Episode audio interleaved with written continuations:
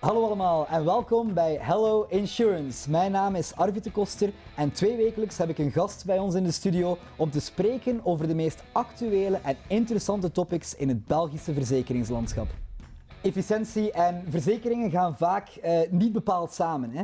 Wanneer ik bijvoorbeeld met uh, tussenpersonen spreek, dan zeggen die heel vaak ja, er is toch heel wat administratieve romslomp, uh, heel wat papierwerk die daarbij komt kijken. En vaak is die frustratie te wijten aan de wettelijke verplichtingen of de huidige verzekeringswetgeving.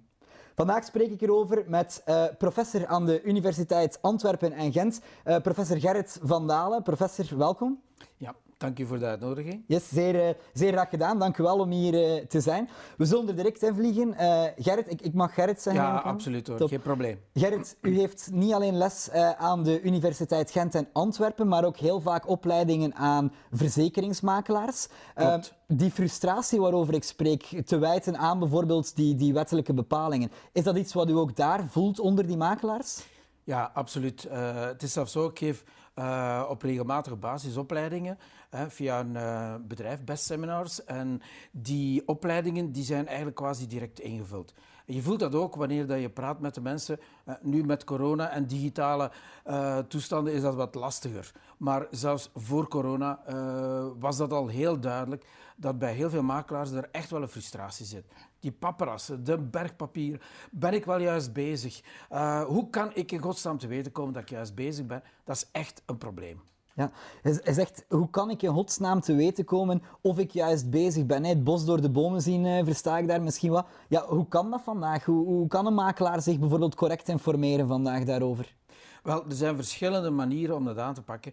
Maar hier zou ik twee eh, kernwoorden laten vallen. En dat is opleiding en digitalisering. Uh, eerst en vooral opleiding, sowieso. Je kan er niet omheen. Uh, het, is, het zijn overigens ook geen leuke opleidingen, want ik ga daar heel eerlijk in zijn. Die wetgeving is bijzonder complex. Uh, ik moet er zelf telkens mijn tanden op kapot bijten bijna, om echt te doordringen van wat is nu de essentie. En vooral, wat betekent dat nu in de praktijk? Want dat is bijzonder belangrijk dat wij hè, uh, vanuit, ja, vanuit de academische wereld die vertaalslag maken naar de praktijk. Dus uh, opleiding is zeer belangrijk, niet alleen tussen haakjes voor de VVD'er, voor de makelaar zelf, mm. maar ook voor zijn medewerkers. Ten andere die zijn ook door de wetgeving verplicht om 15 uur opleiding te volgen. Uh, ik zou zeggen, je hebt daar sowieso al twee, drie uur dat je kan invullen per jaar. Alleen al het hernemen het is heel even herhalen van die wetgeving, wat overigens geen kwaad kan. Hè. Goethe heeft het al gezegd, in Wiederholung zeigt zich der Meister. Herhaal het eens opnieuw, doe die opleiding eens eventueel opnieuw. En dat is al absoluut de eerste stap. En dan de mhm. tweede stap is digitaliseren. Want we zijn allemaal mensen. En je bent bezig met uh, een gesprek met de klant. En je bent zeer geboeid door die materie. En de klant is helemaal mee.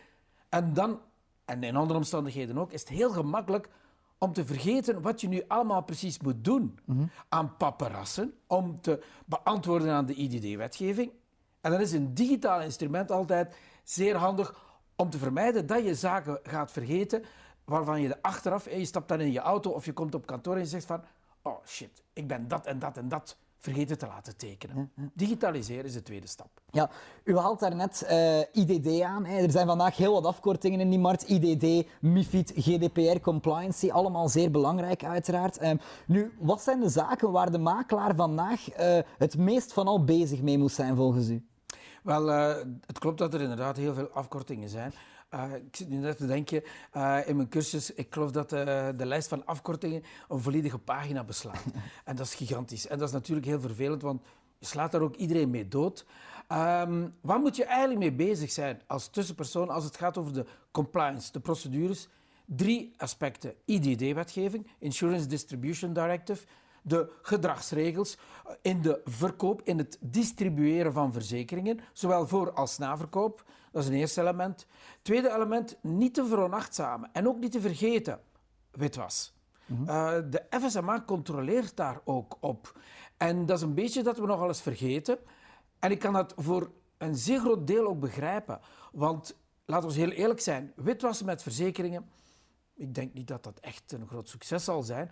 Ik herinner me een cijfer van de, de zelffinanciële informatie, nog zo'n afkorting CFI. En, uh, minder dan 1% van de aangiftes hebben te maken met verzekeringen. Maar de wetgeving is er en we moeten ze volgen. En dan hebben we een derde element, weer een afkorting, jawel, GDPR. Ook daar moet je rekening mee houden. Uh, en, het is dus de kunst om die drie elementen uh, allemaal samen te brengen in een procedure. En Karal, het liefst in een digitale procedure om het leven toch iets makkelijker te maken. Waarbij je die drie aspecten die een verzekeringsmakelaar op vlak van compliance moet volgen, dat je die allemaal kan terugvinden. Mhm.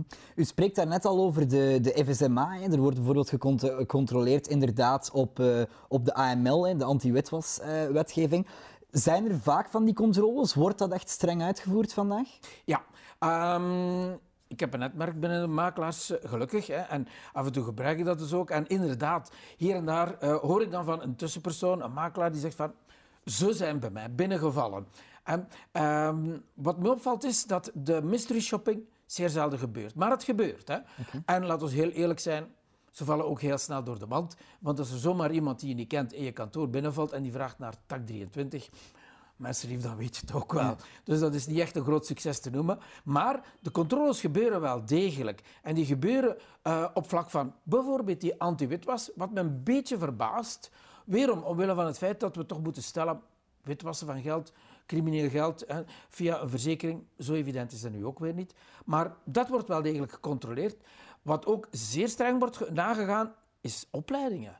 Uh, zijn die 15 uren wel ingevuld? Okay. En dat is echt wel een, eh, een, een, aandachtspunt. En dan natuurlijk de procedures voor wat betreft IDD. Uh, eh, kan je aantonen dat je inderdaad de klant op een correcte manier hebt geïnformeerd? Dat de klant de juiste documenten heeft gekregen voordat hij of zij de polis heeft getekend gehad, om maar een voorbeeld te geven. Dus die procedure is ook bijzonder belangrijk. Ja. Nu, de FSMA bijvoorbeeld komt vandaag op bezoek bij een makelaar. Hoe, hoe verloopt zo'n controle eigenlijk? Wat, wat, vragen die, wat wordt er verwacht van de makelaar op zo'n moment? Ja, um, eigenlijk verloopt zo'n controle doorgaans op twee manieren. Een gesprek met de VVD'er, met de makelaar. Hè.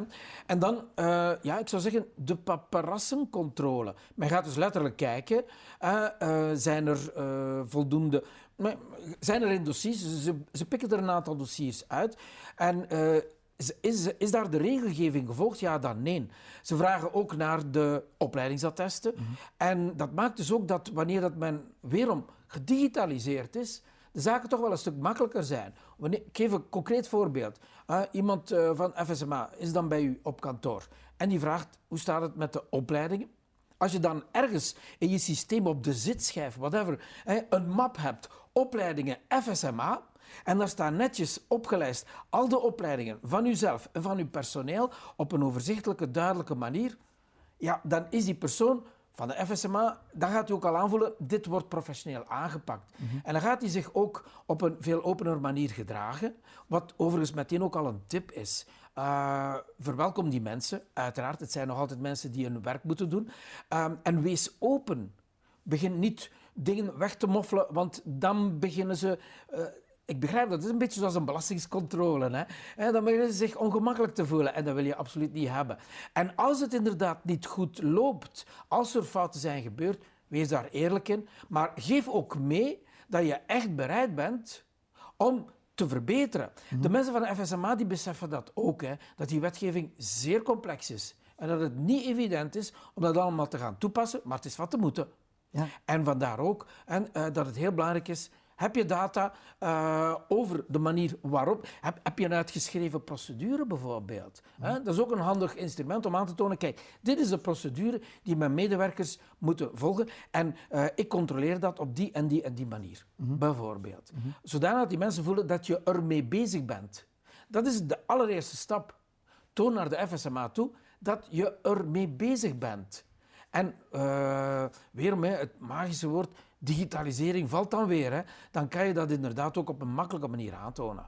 Nu, die controle die is, die is zeer duidelijk hè, als, als u het zo uitlegt. Maar eh, stel die controle gaat volledig verkeerd. Wat zijn de sancties waar ja. de FSMA mee kan, uh, kan opdagen? Ja, wel, die sancties die kunnen er niet naast zijn, eerlijk gezegd. En dat is op zich al een element of een argument om te streven naar perfectie bestaat niet in deze wereld, dat weet ik ook, maar er toch naar te streven.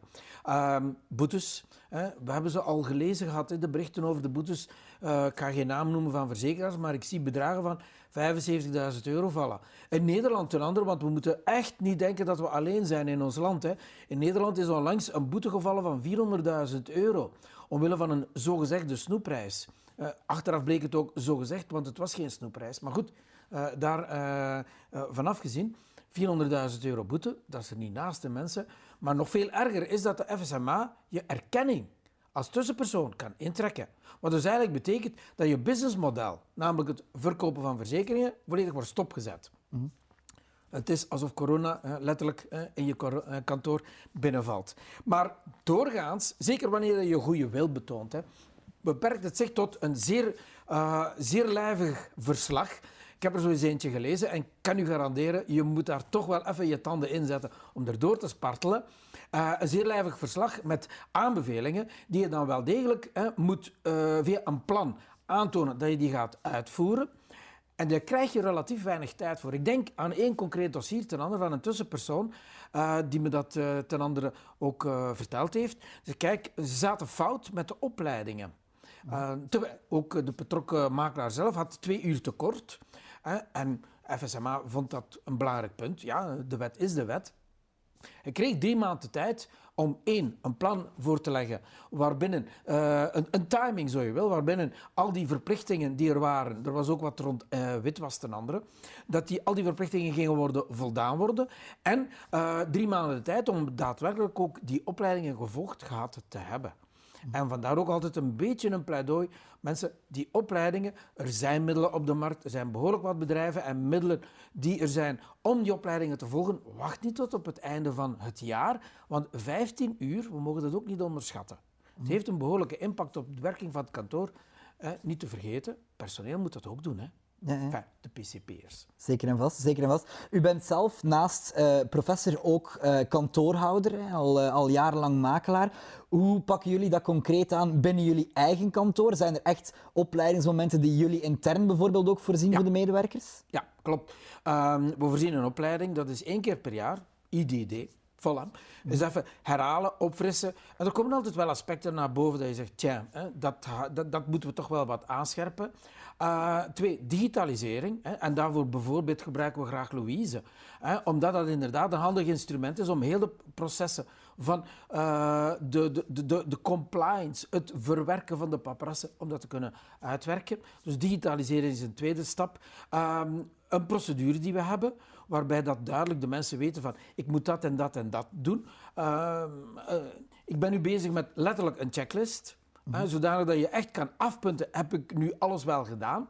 En uh, als uh, laatste element is de controle mm -hmm. ook wel van belang.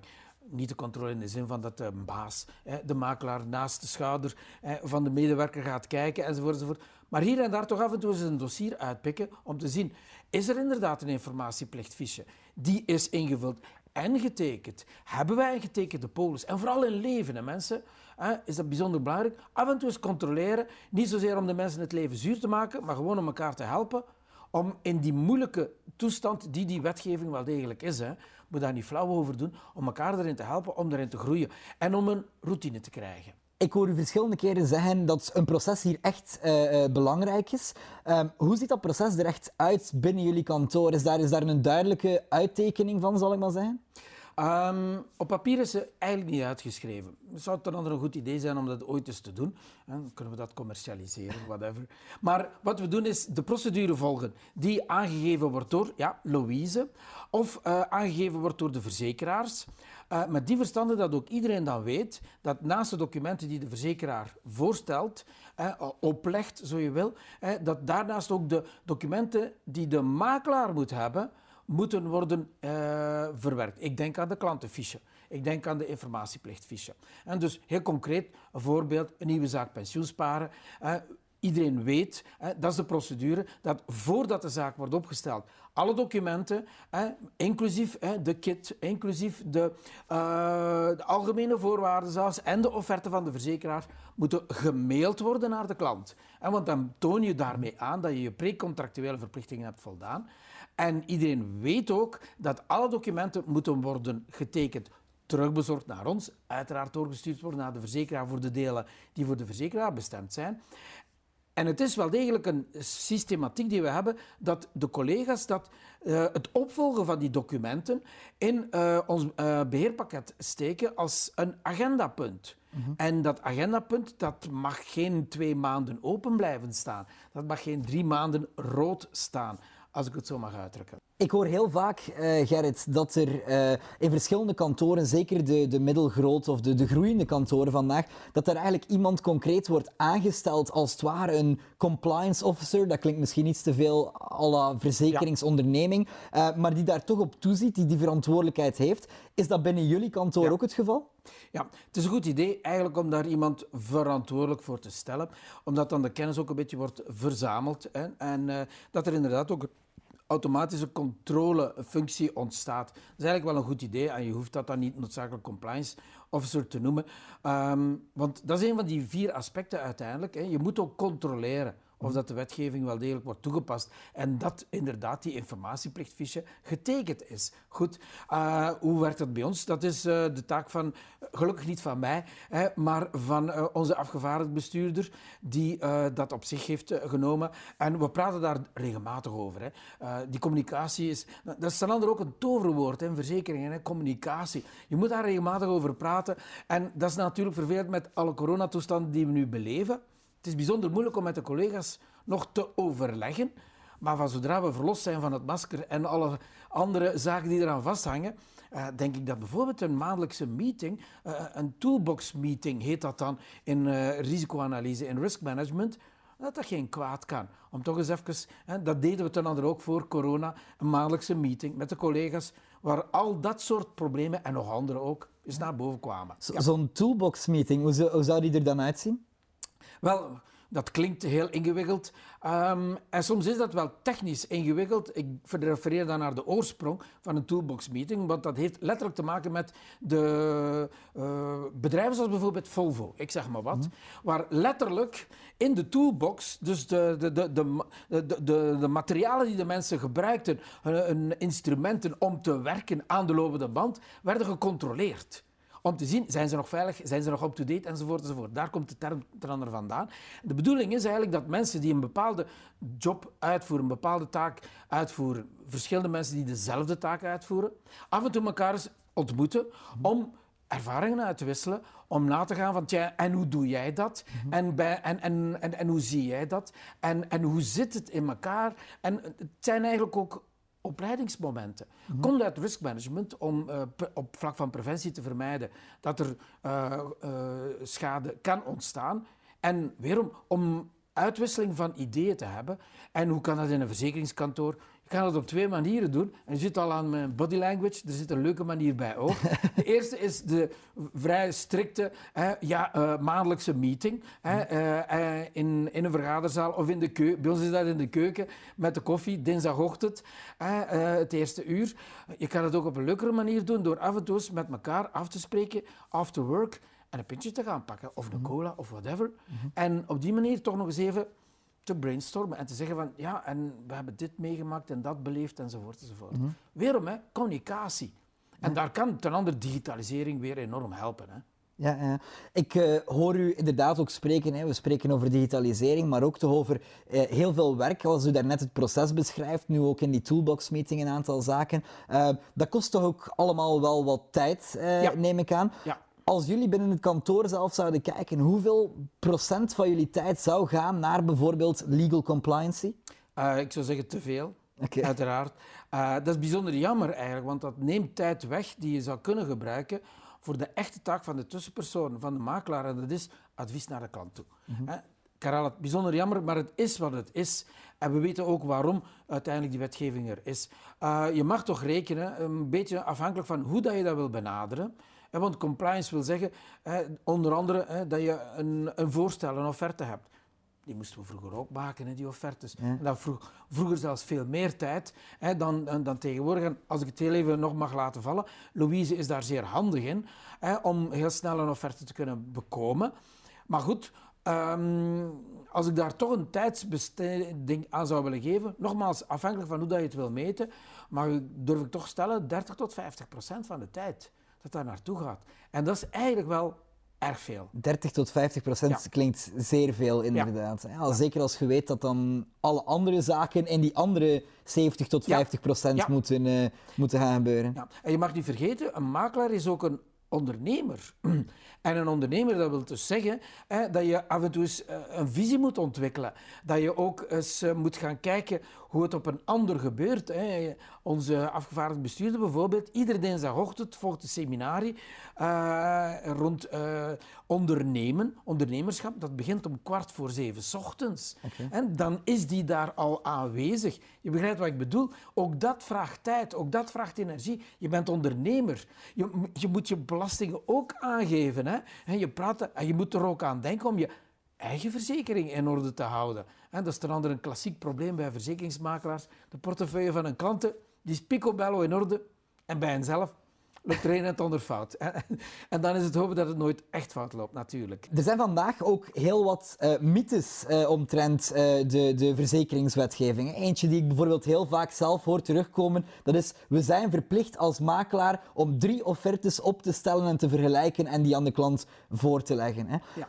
Wat is daarvan aan? Ja, wel, daar is eigenlijk niks van aan in die zin. De wetgeving laat perfect toe dat je één offerte maakt van één verzekeraar. Maar er zijn een aantal spelregels die je dan moet volgen. Ik ga daar niet op inzoomen op dit ogenblik. Maar uh, het kan perfect. Je hoeft dat niet te doen. Nu, uh, zeker in Varia zou ik dat wel aanbevelen.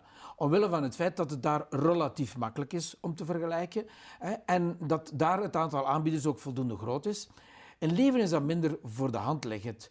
Uh, maar het kan, het mag.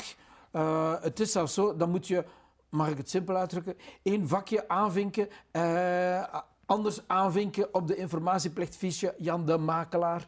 Eh, en, en daarmee kan je eigenlijk ook al het probleem opvangen.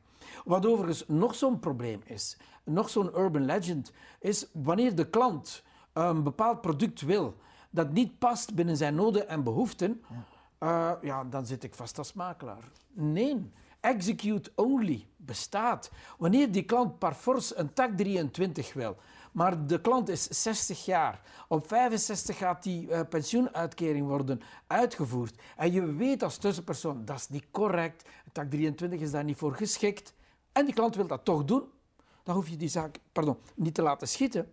Dan kan je dat uitvoeren, maar dan heel duidelijk in een execute only. Weerom, heel belangrijk is daar communicatie.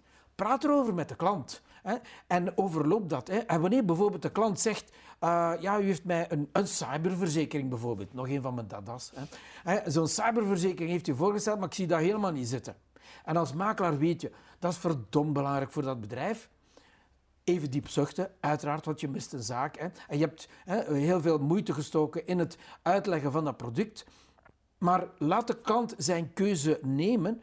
Maar dan zou ik wel zeggen, uh, laat dat dan wel tekenen. Om te vermijden dat achteraf die klant gaat zeggen, naar aanleiding van een cyberincident, ik heb hier een probleem en u heeft mij nooit over een cyberverzekering gesproken gehad. Hoe speelt u daar zelf in zo'n situatie vandaag op in? Als u zegt, ja, dat bedrijf, eh, daarvoor zou dat zeer belangrijk zijn om dergelijk product te hebben, maar die zaakvoerder die wil dat absoluut niet. En u weet, ik laat hier eigenlijk iets liggen, maar die klant laat hier voornamelijk iets liggen. Laat iets liggen. Hoe, hoe, hoe pakte dat aan? Hoe probeerde de klant dat uit te leggen? Er, zijn, uh, er is een, uh, een algemene aanpak en er is een, noem het maar een gemene aanpak. Of een sluwe aanpak, naar gelang je dat wil zien. Uh, algemene aanpak is wanneer de klant inderdaad zegt, ja, dat is niks voor mij, ik zie dat niet zitten. Uiteraard, respect hebben voor de keuze van je klant. Dat is ook logisch, uiteraard. Maar ik zal het bevestigen. Via bijvoorbeeld, bij ons op kantoor noemen we dat een wat we voor de klant gaan doen mail. Dat is een heel mondvol. Wat we voor de klant gaan doen, mail, wil zeggen wanneer de klant iets, uh, wanneer er een gesprek is geweest met de klant, dan wordt er eigenlijk in die mail samengevat wat er allemaal gaat gebeuren of niet gaat gebeuren. En dan kan je bijvoorbeeld perfect in die mail, hè, achteraf sturen die mail naar de klant om te zeggen, beste klant, hè, uh, we hebben een gesprek gehad, we hebben het onder andere over uh, cyberverzekering gehad. U moet dat zo niet uitschrijven natuurlijk, hè, maar daar komt het op neer.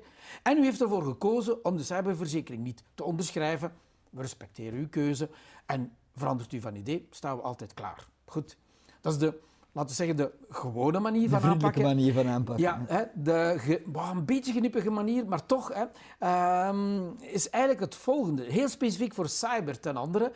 ehm, moet je er toch de klant op wijzen en dat geldt voor een aantal andere verzekeringen toch ook.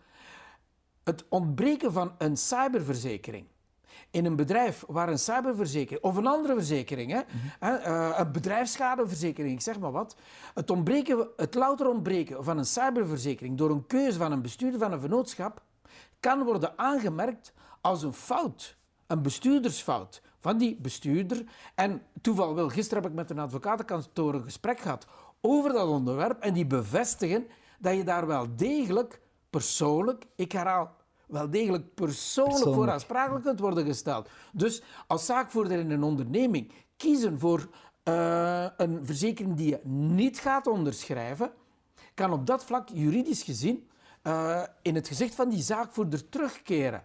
En goh, ik zou zeggen, het is een beetje een ultiem wapen, zo je wil, maar het is wel degelijk een correct wapen. Hè, u gaat geen, geen verkeerde dingen vertellen als tussenpersoon, maar je zegt, beste, eh, beste klant, ik zou je toch sterk aanbevelen om eh, die of gene verzekering te onderschrijven. Denk aan uw eigen aansprakelijkheid. Ten andere wat dat betreft, dat geldt ook voor de makelaar. Hè. Uw eigen aansprakelijkheid als bestuurder in je eigen vennootschap is, of levert eh, ook de vaststelling op dat je je moet ja, aanpassen aan de compliance-wetgeving. En daar kan je niet omheen. Ja, ja. Gerrit, als afsluiter misschien. Stel, ik ben een makelaar en ik zie dit filmpje en ik denk...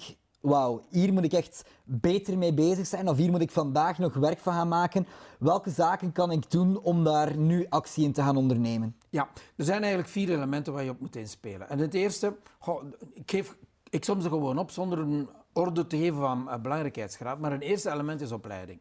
Sowieso. En opleiding wil onder andere ook zeggen dat je af en toe eens herhaalt. En het is in de herhaling hè, dat je dikwijls ook een aantal zaken gaat ofwel bevestigd zien, dat je correct bezig bent, ofwel dat je kan bijsturen. hè. Dus opleiding, niet te vergeten ook je medewerkers. En zelfs de medewerkers die niet onder die PCP-wetgeving van de 15 uur vallen. Ik denk bijvoorbeeld aan de collega's die schade doen. Om maar wat. Bij ons is dat zo. Hè. De, de mensen die schade doen, volgen dezelfde opleidingen. Goed. Dus opleiding is een eerste element. Tweede element, automatiseren. Zorg ervoor dat het hele proces van eh, verwerking, gaande van het moment van de offerte van de klant tot en met het moment dat de polis in je beheerpakket zit, en zelfs daarna, dat het zoveel mogelijk geautomatiseerd is. Dat er zo weinig mogelijk manuele handelingen nodig zijn, want die kosten tijd en die kunnen fouten veroorzaken. En die fouten vragen dan weer een rechtzetting, een beetje imagoverlies ook soms bij die klant. Klopt. En dus dat is heel belangrijk. Die eh, straight-through straight processing is bijzonder belangrijk als tweede aspect. Wat hebben we dan nog? Eh, zorg voor procedures. Zorg ervoor dat je collega's goed weten wat ze moeten doen. Hè. Dat ze inderdaad weten dat die informatieplichtfiche belangrijk is. Hè. Dat ze ook dat kunnen kaderen. Het is een beetje overlappend met opleiding, zo je wil. Maar die procedure kan soms veel verder gaan, want het heeft te maken ook met de visie die je hebt als ondernemer, als makelaar-ondernemer, in eh, je kantoor. En dan, eh, een laatste element is en blijft controle. Niet om het leven zuur te maken van je collega's, maar echt om erop toe te zien hè, dat de zaken gebeuren zoals ze horen te gebeuren. En dat je elkaar kunt helpen en bij kunt sturen. Hè. En daar kan zo'n toolbox-meeting er dan ook weer handig voor zijn. Alright, Gerrit, hartelijk dank eh, voor eh, de uiteenzetting en om vandaag tot hier te komen. Dat is heel graag gedaan. Zo, deze aflevering van Hello Insurance zit er alweer op. Heeft u nog vragen voor eh, Gerrit van Dalen of over legal compliance in het algemeen? Aarzel dan zeker niet om de comments hieronder het filmpje te gaan gebruiken. En als u deze uiteenzetting interessant vond, dan kan het ook zeker leuk zijn om ons verder te gaan volgen via sociale media. Ik bedank u voor uw aandacht en graag tot de volgende.